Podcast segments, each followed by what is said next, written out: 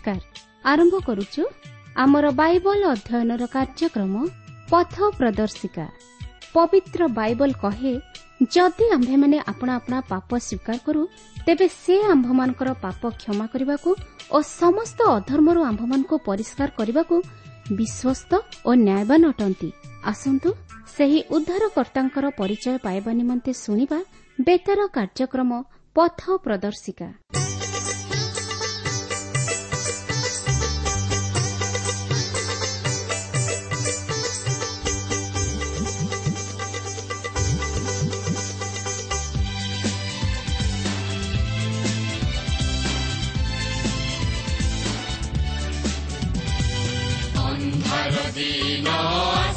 साथै अनुग्रह दिन र सुझाव बने खोलाद्वारा रुधाहे बागहरू आगे के जीव भग्न हृदय नै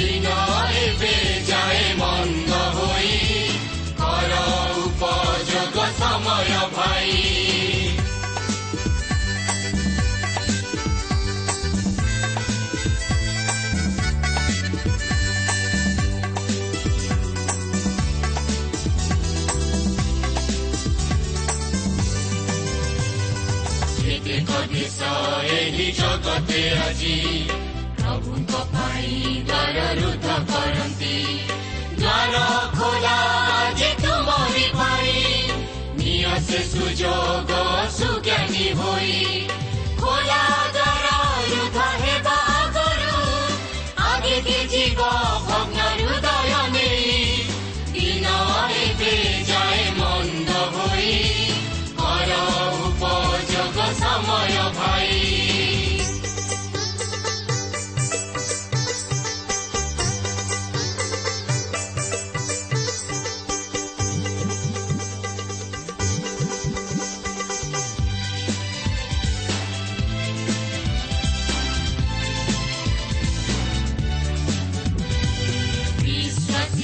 ଯେଉଁ ଦଳ ରହିଛି ସେମାନଙ୍କ ମଧ୍ୟରେ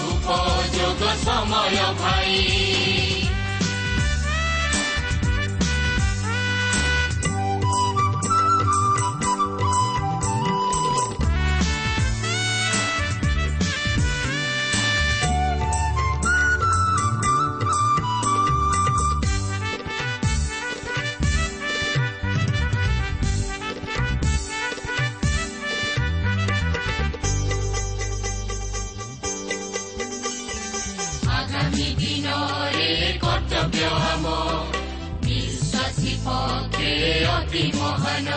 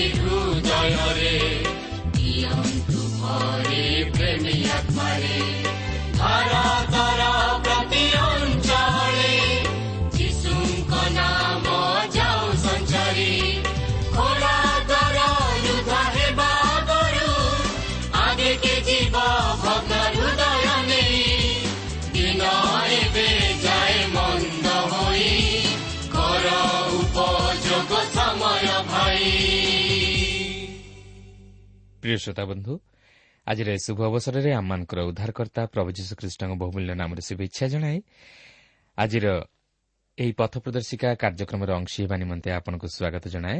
ଆପଣ ଆପଣଙ୍କର ବହୁମୂଲ୍ୟ ସମୟ ଦେଇ ଆଜିର ଏହି କାର୍ଯ୍ୟକ୍ରମ ଶୁଣିବା ନିମନ୍ତେ ରେଡିଓ ପାଖରେ ଅପେକ୍ଷା କରି ବସିଥିବାର ଜାଣି ଆମେ ବିଶେଷ ଖୁସି। କେବଳ ସେତିକି ନୁହେଁ ଆପଣଙ୍କର ମତାମତ ଓ ହୃଦୟସ୍ପର୍ଶୀ ସାକ୍ଷ୍ୟ ନିମନ୍ତେ ମଧ୍ୟ ବିଶେଷ ଧନ୍ୟବାଦ। ପ୍ରଭୁ ଯୀଶୁ ଯେ ଆପଣଙ୍କର ସମସ୍ୟା ସମାଧାନ କରିଅଛନ୍ତି ଆଉ ସେ ଯେ ଆପଣଙ୍କୁ ସୁସ୍ଥତା ଦେଇଅଛନ୍ତି ତାହା ଜାଣି ଆମେ ପ୍ରଭୁଙ୍କ ନାମକୁ ବିଶେଷ ଧନ୍ୟବାଦ ଦେଉ। ତେବେ ଆପଣଙ୍କର ଯଦି କୌଣସି ପ୍ରାର୍ଥନାର ଅନୁରୋଧ ଥାଏ ତାହେଲେ ପତ୍ର ମାଧ୍ୟମରେ ଲେଖି ଜଣାଇଲେ ଆମେ ଆପଣଙ୍କ ନିମନ୍ତେ ପ୍ରାର୍ଥନା କରିପାରିବୁ। ଆସନ୍ତୁ ପ୍ରଭୁଙ୍କର ବାକ୍ୟ ମଧ୍ୟକୁ ଯିବା ପୂର୍ବରୁ ସଂକ୍ଷେପରେ ପ୍ରାର୍ଥନା କରିବା। ପବିତ୍ର ପ୍ରଭୁ ତୁମର ପବିତ୍ର ନାମରେ ଧନ୍ୟବାଦ କରୁଅଛୁ। ହଁ ପ୍ରଭୁ ତୁମର ଅସୀମ ଦୟା ଅନୁଗ୍ରହ ହେତୁ ଆଜି ଆମମାନେ ପୁନର୍ବାର ତୁମର ବାକ୍ୟ ଅଧ୍ୟୟନ ତଥା ଶ୍ରବଣ କରିବା ପାଇଁ ସୁଯୋଗ ପାଇପାରିଛୁ। ଆଉ ଏହି ସୁଯୋଗର ସଦ୍ବ୍ୟବହାର କରିବା ପାଇଁ ପ୍ରଭୁ ତୁମେ ଆମମାନଙ୍କୁ ଜ୍ଞାନ ବିଶିଷ୍ଟ ଅନ୍ତକଣ ଦାନ କର। ତୁମର ବାକ୍ୟ ମଧ୍ୟ ଦେଇ ପ୍ରଭୁ ତୁମେ ଆମମାନଙ୍କ ସହିତ କଥା କୁହ। ଯେଉଁ ଶ୍ରୋତାବନ୍ଧୁମାନେ ପ୍ରଭୁ ଦୁଃଖରେ ଅଛନ୍ତି ପ୍ରଭୁ ତୁମେ ସେମାନଙ୍କର ଦୁଃଖ ଦୂର କର। ଯେଉଁମାନେ ସମସ୍ୟାରେ ଅଛନ୍ତି ତୁମେ ସେମାନଙ୍କର ସମସ୍ୟା ସମାଧାନ କର। ଯେଉଁମାନେ ବିଦ୍ୟା ଅଧ୍ୟୟନ କରୁଅଛନ୍ତି ତାହାରେ ସଫଳତା ଲାଭ କରିବା ନିମନ୍ତେ ତୁମେ ସେମାନଙ୍କୁ ଆଶୀର୍ବାଦ କର। ଏବଂ ଯେଉଁମାନେ ପ୍ରଭୁ ଚାକିରିର ଅନ୍ୱେଷଣରେ ଅଛନ୍ତି ପ୍ରଭୁ ତୁମେ ସେମାନଙ୍କୁ ମଧ୍ୟ ଉପଯୁକ୍ତ ସମୟରେ କାର୍ଯ୍ୟ ଯୋଗାଅ ଯେପରି ପ୍ରଭୁ ଏହି ସମସ୍ତ ମଧ୍ୟ ଦେଇ ଆମେ ତୁମର ସେହି ଶକ୍ତିର କାର୍ଯ୍ୟକୁ ଅନୁଭବ କରିପାରିବୁ ଆଉ ତୁମର ଧନ୍ୟବାଦ କରିପାରିବୁ ତୁମଠାରେ ବିଶ୍ୱାସରେ ସ୍ଥିର ରହି ଚାଲିପାରିବୁ ଏହି ଅନୁଗ୍ରହ ତୁମେ ଦାନ କର। ଯୀଶୁଙ୍କ ନାମରେ ମାଗୁଅଛୁ।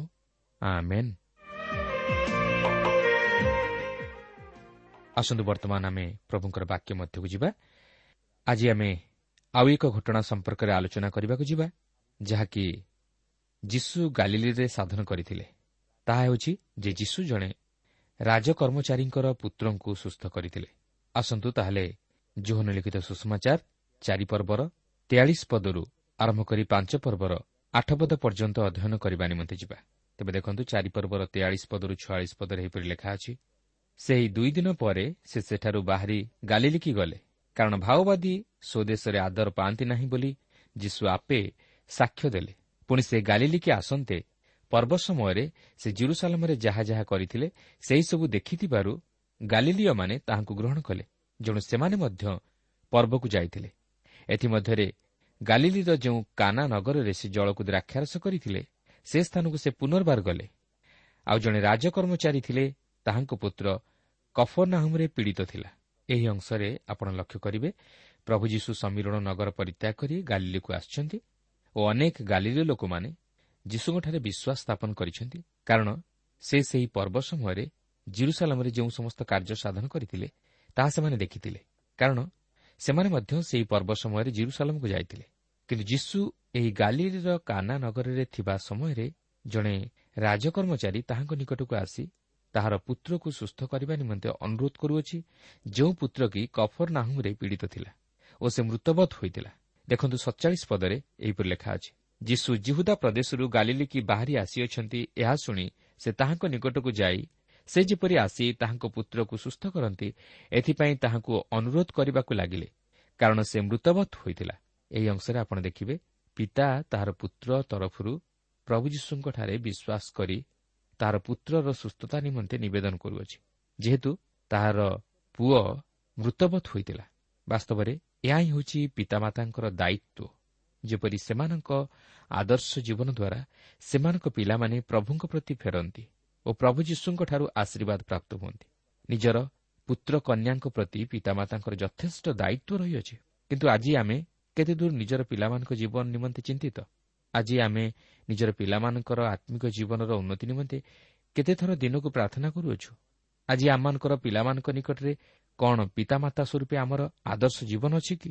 କିନ୍ତୁ ଯଦି ଆମେ ନିଜର ପିଲାମାନଙ୍କ ନିମନ୍ତେ ପ୍ରଭୁ ଯୀଶୁଙ୍କଠାରେ ପ୍ରାର୍ଥନା ତଥା ବିଶ୍ୱାସର ସହିତ ନିବେଦନ କରୁ ତାହେଲେ ଆମର ପିଲାମାନେ ନିଶ୍ଚୟ ପ୍ରଭୁ ଯୀଶୁଙ୍କର ପରିଚୟ ପାଇପାରିବେ ଓ ସେମାନଙ୍କର ଜୀବନ ବିନାଶରୁ ରକ୍ଷା ପାଇବ। କିନ୍ତୁ ଆଜି ଯଦି ଆମେ ସେମାନଙ୍କର ବିଘ୍ନର କାରଣ ହେଉ ଓ ନିଜର ପିଲାମାନଙ୍କୁ ପ୍ରଭୁ ଯୀଶୁଙ୍କଠାରୁ ବିମୁଖ ହେବା ନିମନ୍ତେ ପ୍ରେରଣା ଦେଉ ତାହେଲେ ଆମେ ନିଜେ ବିନଷ୍ଟ ହେବା ସହିତ ନିଜର ପିଲାମାନଙ୍କର ଜୀବନକୁ ମଧ୍ୟ ବିନଷ୍ଟ କରୁ।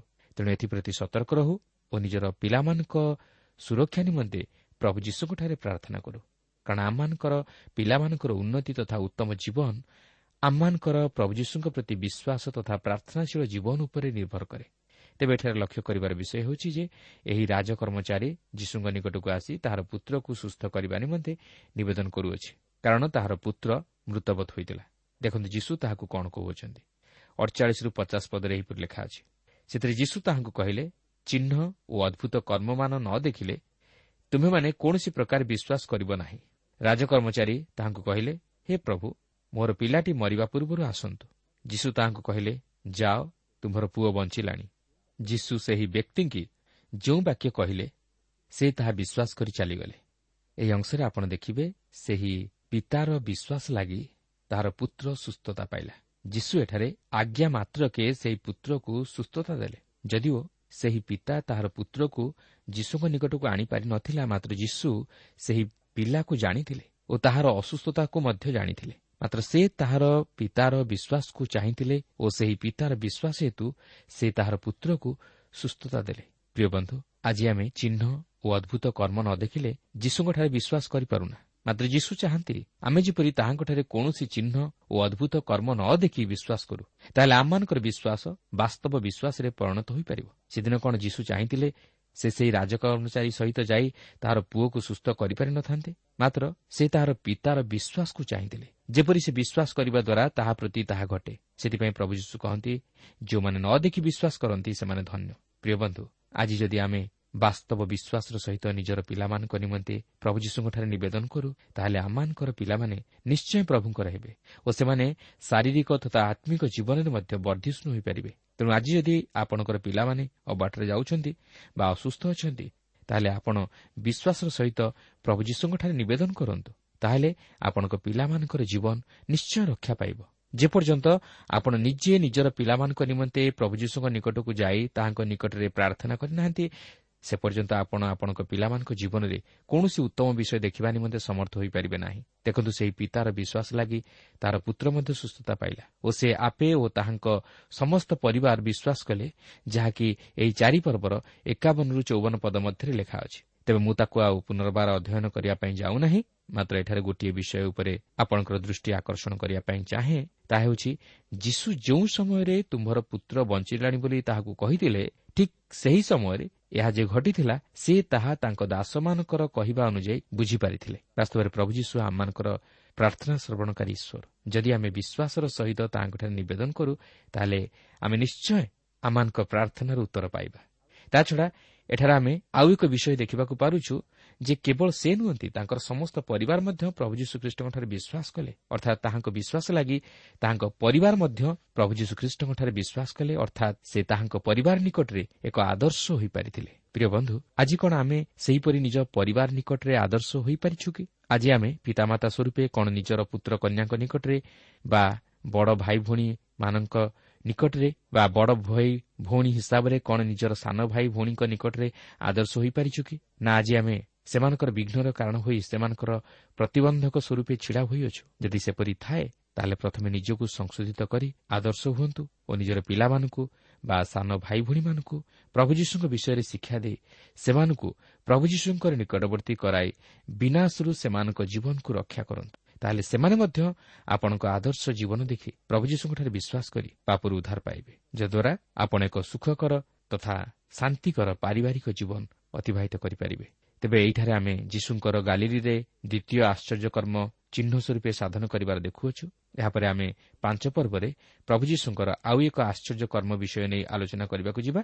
ତେବେ ଏଠାରେ ଆମେ ଚାରି ପର୍ବଟିକୁ ଅଧ୍ୟୟନ କରି ସମାପ୍ତ କଲୁ। ମାତ୍ର ଆସନ୍ତୁ ଏହାପରେ ପାଞ୍ଚ ପର୍ବଟିକୁ ଅଧ୍ୟୟନ କରିବା ନିମନ୍ତେ ଯିବା। ଏହି ପର୍ବରେ ଆମେ ପ୍ରଭୁ ଯୀଶୁଙ୍କର ଏକ ମହାନ ଆଶ୍ଚର୍ଯ୍ୟ କର୍ମକୁ ଦେଖୁଅଛୁ ଯାହାକି ସେ ଅଠତିରିଶ ବର୍ଷାବଧି ରୋଗଗ୍ରସ୍ତ ଜଣେ ବ୍ୟକ୍ତିକୁ ସୁସ୍ଥତା ଦେଉଅଛନ୍ତି ମାତ୍ର ଏହି ଆଶ୍ଚର୍ଯ୍ୟକର୍ମ ତାଙ୍କର ପ୍ରଚାର କାର୍ଯ୍ୟର ଗତିକୁ ବଦଳାଇ ଦେଇଥିଲା। କାରଣ ଯୀଶୁ ବିଶ୍ରାମବାରରେ ସେହି ରୋଗୀକୁ ସୁସ୍ଥ କରିବାରୁ ତାହାଙ୍କର ଶତ୍ରୁମାନେ ତାହାଙ୍କୁ ସେହି ସମୟଠାରୁ ବିନାଶ କରିବା ନିମନ୍ତେ ଯୋଜନା ପ୍ରସ୍ତୁତ କଲେ। ତେବେ ଆସନ୍ତୁ ସେହି ଘଟଣା ସମ୍ପର୍କରେ ବର୍ତ୍ତମାନ ଆଲୋଚନା କରିବାକୁ ଯିବା। ଦେଖନ୍ତୁ ପାଞ୍ଚ ପର୍ବର ପ୍ରଥମ ତିନି ପଦରେ ଏହିପରି ଲେଖା ଅଛି ଏଥିଉତ୍ତାରେ ଜୁହୁଦୀମାନଙ୍କର ଗୋଟିଏ ପର୍ବ ପଡ଼ିଲା ଆଉ ଯୀଶୁ ଜିରୁସାଲାମକୁ ଯାତ୍ରା କଲେ। ଜିରୁସାଲାମର ମେଷଦ୍ୱାର ନିକଟରେ ଗୋଟିଏ ପୁଷ୍କରଣୀ ଅଛି। ଏବ୍ରି ଭାଷାରେ ତାହାକୁ ବେଥେସ୍ଦା ବୋଲି କହନ୍ତି। ତାହାର ପାଞ୍ଚଟି ମଣ୍ଡପ ସେଗୁଡ଼ିକରେ ଅନେକ ଅନେକ ପୀଡ଼ିତ ଅନ୍ଧ ଖଞ୍ଜ ଓ ଶୁଷ୍କାଙ୍ଗ ପଡ଼ି ରହୁଥିଲେ। ସେମାନେ ଜଳ ସଞ୍ଚଳନ ଅପେକ୍ଷାରେ ରହୁଥିଲେ। ଏହି ଅଂଶରେ ଆପଣ ଲକ୍ଷ୍ୟ କରିବେ ଯୀଶୁ ପୁନର୍ବାର ଗାଲିଲିରୁ ଜିରୁସାଲାମକୁ ଯାଉଅଛନ୍ତି ଓ ଏହା ମଧ୍ୟ ଜିହୁଦୀମାନଙ୍କର ଏକ ପର୍ବର ସମୟ ଥିଲା। ତେବେ ସେହି ପର୍ବ କେଉଁ ପର୍ବ ଥିଲା ତାହା ଯଦିଓ ବାଇବଲ ପ୍ରକାଶ କରେ ନାହିଁ ମାତ୍ର ସମ୍ଭବତଃ ଏହା ନିସ୍ତାର ପର୍ବ ଥିଲା। କିନ୍ତୁ ସେହି ଜିରୁସାଲାମର ମେଷଦ୍ୱାର ନିକଟରେ ଏକ ପୋଖରୀ ଥିଲା ଯାହାକୁ ଏବ୍ରି ଭାଷାରେ ବେଥେସ୍ଦା ବୋଲି କହନ୍ତି। କିନ୍ତୁ ଏହି ପୋଖରୀ ନିକଟରେ ଅନେକ ଅନେକ ପୀଡ଼ିତ ଅନ୍ଧ ଖଞ୍ଜ ଓ ଶୁଷ୍କାଙ୍ଗ ପଡ଼ି ରହୁଥିଲେ। ତେବେ ସେମାନେ କାହିଁକି ସେଠାରେ ପଡ଼ି ରହୁଥିଲେ? ଚାରିପଦରେ ତାହା ପରିଷ୍କାର ଭାବେ ଲେଖାଯାଏ। କାରଣ କୌଣସି କୌଣସି ସମୟରେ ପ୍ରଭୁଙ୍କର ଜଣେ ଦୂତ ପୁଷ୍କରିଣୀରେ ଅବତରଣ କରି ଜଳ କମ୍ପାଉଥିଲେ। ଆଉ ଜଳ କମ୍ପିଲା ପରେ ଯେ କେହି ପ୍ରଥମରେ ସେଥିରେ ପ୍ରବେଶ କରୁଥିଲା ସେ ଯେକୌଣସି ରୋଗରେ ଆକ୍ରାନ୍ତ ହୋଇଥିଲେ ସୁଦ୍ଧା ସୁସ୍ଥ ହେଉଥିଲା। ତେବେ ସେମାନେ କାହିଁକି ସେହି ପୋଖରୀ ନିକଟରେ ପଡ଼ି ରହୁଥିଲେ ତାହାର କାରଣ ଏହି ଅଂଶରେ ଦର୍ଶାଯାଇଅଛି। ତେବେ ସେମାନଙ୍କ ମଧ୍ୟରୁ ଅନେକ ଯେ ଏହିପରି ଭାବରେ ସୁସ୍ଥତା ପାଉଥିଲେ ତହିଁରେ ସନ୍ଦେହ ନାହିଁ। କିନ୍ତୁ ସେମାନେ ଜଳ କମ୍ପିବା ଦ୍ୱାରା ତହିଁରେ ପ୍ରଥମେ ପ୍ରବେଶ କରି ସୁସ୍ଥ ହେଉଥିଲେ। ମାତ୍ର ସେମାନେ ଯୀଶୁଙ୍କଠାରେ ବିଶ୍ୱାସ କରି ସୁସ୍ଥ ହେଉନଥିଲେ। ତାଛଡ଼ା ସେମାନେ ଯେ ସବୁଦିନ ପାଇଁ ଭଲ ହୋଇଯାଉଥିଲେ ତହିଁର ମଧ୍ୟ କିଛି ପ୍ରମାଣ ନାହିଁ। କି ସେମାନଙ୍କ ମଧ୍ୟରୁ ସମସ୍ତେ ଯେ ଏହିପରି ଭାବରେ ସୁସ୍ଥତା ପାଉଥିଲେ ତାହା ମଧ୍ୟ ଲେଖାଯାଏ ନାହିଁ। କିନ୍ତୁ ଏହି ପୋଖରୀ ନିକଟରେ ପ୍ରଭୁ ଯୀଶୁ ଏକ ଅଠତିରିଶ ବର୍ଷାବଧି ରୋଗୀକୁ ସୁସ୍ଥ କରୁଅଛନ୍ତି ଯିଏକି ସେହି ପୋଖରୀ ନିକଟରେ ପଡ଼ି ରହିଥିଲେ ମଧ୍ୟ ସୁସ୍ଥତା ପାଇବାରୁ ବଞ୍ଚିତ ହୋଇଥିଲା। ମାତ୍ର ଯୀଶୁଙ୍କ ଦ୍ୱାରା ସେ ସମ୍ପୂର୍ଣ୍ଣ ସୁସ୍ଥତା ପାଇଲା। ଦେଖନ୍ତୁ ପାଞ୍ଚ ପର୍ବର ପାଞ୍ଚ ପଦରେ ଏହିପରି ଲେଖା ଅଛି ସେଠାରେ ଅଠତିରିଶ ବର୍ଷାବଧି ରୋଗଗ୍ରସ୍ତ ଜଣେ ଲୋକ ଥିଲା। ଲକ୍ଷ୍ୟ କରନ୍ତୁ ଏହି ଲୋକର ଅବସ୍ଥା। ଚିନ୍ତା କରିପାରୁଛନ୍ତି? ଜଣେ ଲୋକ ଅଠତିରିଶ ବର୍ଷ ଧରି ରୋଗଗ୍ରସ୍ତ ରହିବା ପରେ ତାହାର ମନର ଅବସ୍ଥା କିପରି ଥିବ? ତେବେ ସେ ସେଠାରେ କେଉଁପରି ଭାବରେ ବା କେତେ ବର୍ଷ ଧରି ପଡ଼ି ରହିଥିଲା ତାହା ବାଇବଲ ପ୍ରକାଶ କରେ ନାହିଁ। ମାତ୍ର ସେ ଅନେକ ବର୍ଷ ଧରି ସେହି ପୋଖରୀ ନିକଟରେ ପଢ଼ି ରହିଥିବ ଓ କିପରି ଆଗେ ଯାଇ ସେହି ପୋଖରୀରେ ଜଳ କମ୍ପିବା ମାତ୍ରେ ପ୍ରବେଶ କରି ସୁସ୍ଥ ହେବ ତାହା ହିଁ ସଦାବେଳେ ଚେଷ୍ଟା କରୁଥିବ। କିନ୍ତୁ ଦୁଃଖର ବିଷୟ ତାହାର ଏହିପରି ଶାରୀରିକ ଅସୁସ୍ଥତା ବଢ଼ିଯାଇଥିଲା ଯେ ସେ ନିଜେ ସେହି ପୋଖରୀରେ ପ୍ରବେଶ କରିବା ପାଇଁ ସକ୍ଷମ ନଥିଲା। ତାହାର ରୋଗ ବୋଧହୁଏ ବେଳକୁ ବେଳ ବଢ଼ିଯାଇଥିଲା ସେ ବେଳକୁ ବେଳ ଅସୁସ୍ଥ ହୋଇଯାଉଥିଲା କିନ୍ତୁ ସୁସ୍ଥ ହୋଇପାରୁନଥିଲା କିନ୍ତୁ ଏପରି ଏକ ଅସହାୟ ଲୋକ ପ୍ରତି ପ୍ରଭୁ ଯୀଶୁଙ୍କର ଦୃଷ୍ଟି ପଡ଼ୁଅଛି ଓ ସେ ତାହାର ପରିସ୍ଥିତିକୁ ଜାଣି ତାହାକୁ ଏପରି କହନ୍ତି ଯାହାକି ଛଅ ପଦରେ ଲେଖା ଅଛି। ଯୀଶୁ ତାହାକୁ ପଡ଼ି ରହିଥିବା ଦେଖି ବହୁକାଳର ରୋଗୀ ବୋଲି ଜାଣି ତାହାକୁ ପଚାରିଲେ ତୁମେ କ'ଣ ସୁସ୍ଥ ହେବାକୁ ଇଚ୍ଛା କରୁଅଛ? ଚିନ୍ତା କରନ୍ତୁ ଜଣେ ଏହିପରି ରୋଗୀକୁ ଯଦି କେହି ଜଣେ ଏହିପରି ପ୍ରଶ୍ନ କରେ ତାହେଲେ ସେ କ'ଣ ଆଶ୍ଚର୍ଯ୍ୟ ହେବ ନାହିଁ କି? ତେବେ ପ୍ରଭୁ ଯୀଶୁ କ'ଣ ଜାଣିନଥିଲେ ଯେ ସେ ସୁସ୍ଥତା ପାଇବାକୁ ଚାହେଁ ବୋଲି? କିନ୍ତୁ ସେ ତାହାକୁ କାହିଁକି ଏହିପରି ପଚାରିଲେ? ଏହାର ଦୁଇଟି କାରଣ ହୋଇପାରେ। ପ୍ରଥମତଃ ସେ ତାହାର ଅନ୍ତରରେ ସୁସ୍ଥତା ପାଇବାର ଏକ ଆଶାକୁ ଜାତ କରାଇଥିଲେ। କାରଣ ସେ ପୂରାପୂରି ଆଶାହୀନ ହୋଇଯାଇଥିଲା। ଦ୍ୱିତୀୟତଃ ସେ ଯେପରି ସେହି ପୋଖରୀ ପ୍ରତି ଦୃଷ୍ଟି ନ କରି ପ୍ରଭୁ ଯୀଶୁଙ୍କ ପ୍ରତି ଦୃଷ୍ଟି କରିବାକୁ ପାରେ ସେଥିନିମନ୍ତେ ସେ ତାହାକୁ ଏହିପରି ପ୍ରଶ୍ନ କରିଥିଲେ। ପ୍ରିୟ ବନ୍ଧୁ ଆଜି କ'ଣ ଆମମାନଙ୍କର ଆତ୍ମିକ ଜୀବନର ପରିସ୍ଥିତି ଠିକ୍ ସେହି ପ୍ରକାର ନୁହେଁ କି? ଆମେ କିଛି ଆଶ୍ଚର୍ଯ୍ୟ ବିଷୟ ଦେଖିଲେ ପ୍ରଭୁ ଯୀଶୁଙ୍କଠାରେ ବିଶ୍ୱାସ କରିବାକୁ ଚାହୁଁ। ଆଜି ଆମମାନଙ୍କର ଦୃଷ୍ଟି ପ୍ରଭୁ ଯୀଶୁଙ୍କ ଉପରେ ନାହିଁ ମାତ୍ର ଜଗତର ମନୁଷ୍ୟମାନଙ୍କ ଉପରେ ଅଛି।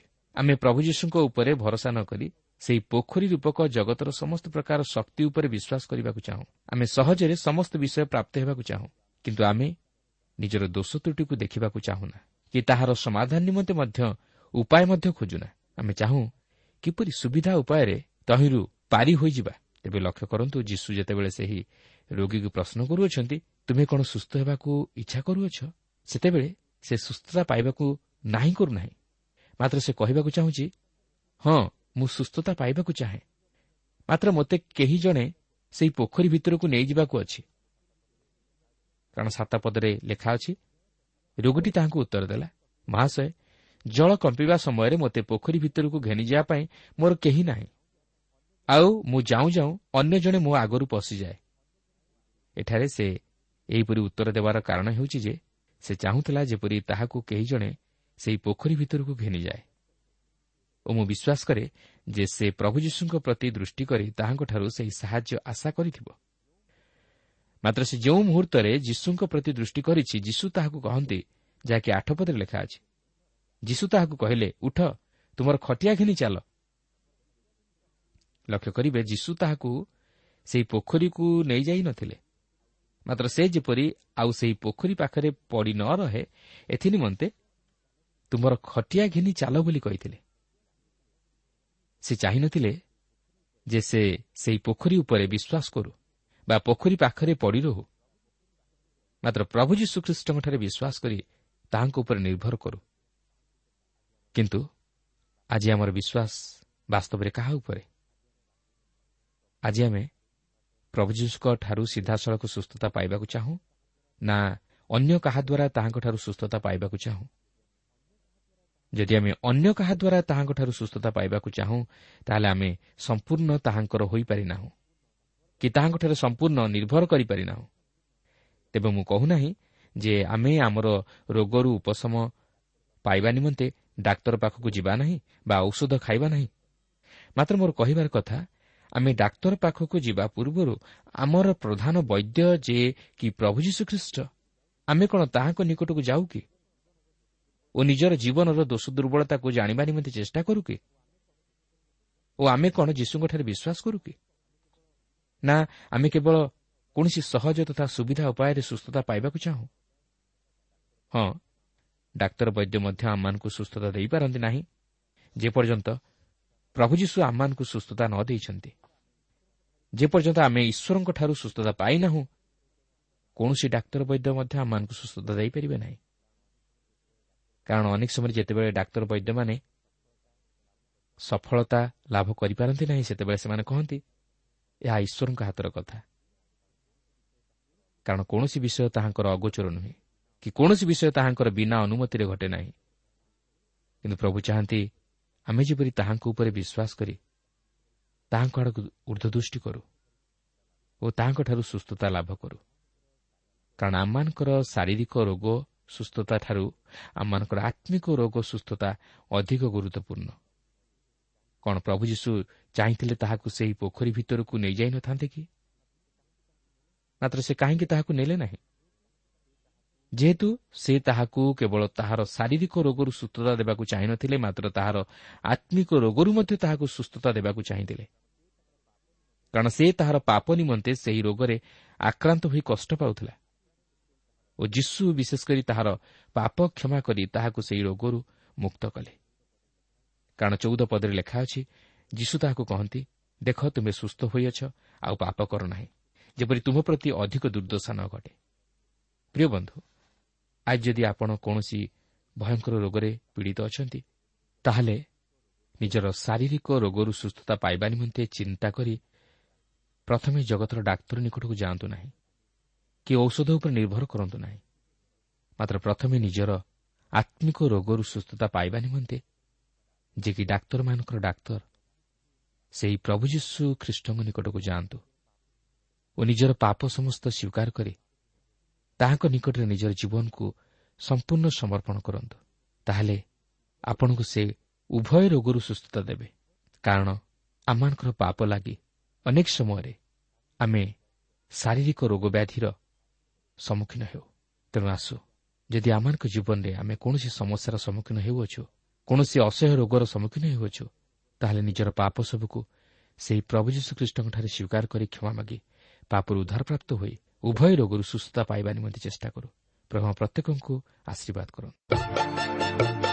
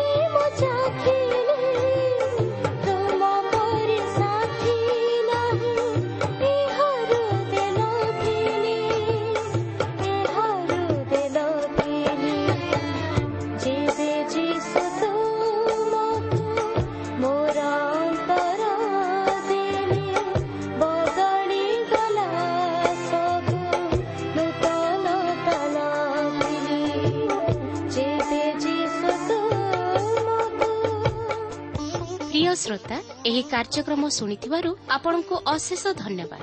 ଏହି କାର୍ଯ୍ୟକ୍ରମ ଆପଣଙ୍କୁ କିପରି ଲାଗିଲା ଓ କେଉଁ ବିଷୟଟି ଆପଣଙ୍କ ହୃଦୟକୁ ଅଧିକ ସ୍ପର୍ଶ କରିଛି ତାହା ଲେଖି ଜଣାଇଲେ ଆମେ ବିଶେଷ ଉପକୃତ ହେବୁ। ଯଦି କିଛି ପ୍ରଶ୍ନ ବା ସନ୍ଦେହ ଥାଏ ତାହା ପତ୍ର ମାଧ୍ୟମରେ ଅଥବା ଟେଲିଫୋନ ଯୋଗେ ଆମକୁ ଜଣାନ୍ତୁ। ଆମର ଠିକଣା ପଥ ପ୍ରଦର୍ଶିକା trans world radio India post box number ତିନି ତିନି ଭୁବନେଶ୍ୱର ସାତ ପାଞ୍ଚ ଏକ ଶୂନ ଶୂନ ଏକ ଟେଲିଫୋନ ନମ୍ବର ଶୂନ ଛଅ ସାତ ଚାରି ଦୁଇ ତିନି ଶୂନ ଶୂନ ତିନି ତିନି ପାଞ୍ଚ ଠିକଣାଟି ଆଉଥରେ ଶୁଣନ୍ତୁ।